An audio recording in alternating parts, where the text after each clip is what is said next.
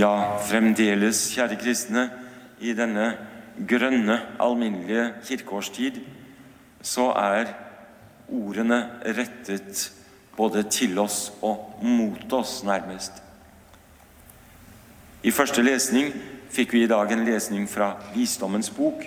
Og når det her er sagt 'denne natten var blitt kunngjort for våre fedre på forhånd', så er det ikke hvilken som helst natt.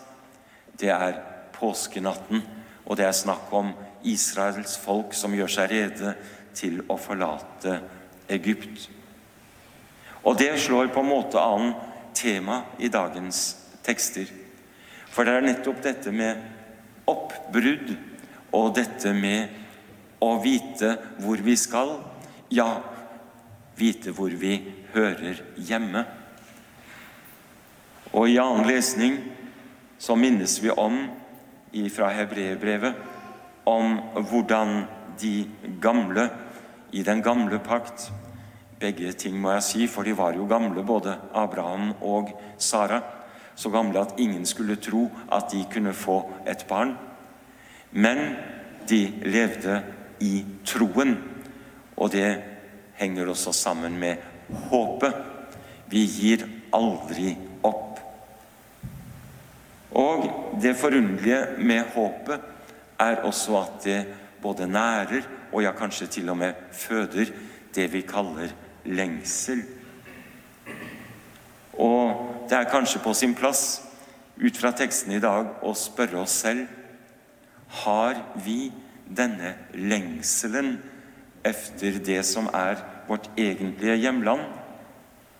Eh, som det heter i lesningen fra Hebreerbrevet, så er det jo ikke slik at man lengter hjem dit man var, for da var det jo ganske enkelt. Da kunne man bare dra dit.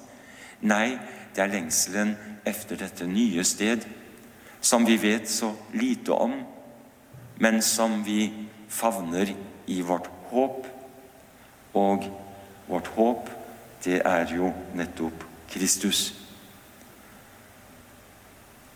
Messen er selve feiringen av dette håpet og av denne lengselen. Det er her, i Den hellige eukaristi, at vi møter Kristus i dette allerede nå, men ennå ikke. Så er evangeliet i dag litt mer sammensatt. Det retter nok også en slags pekefinger mot oss.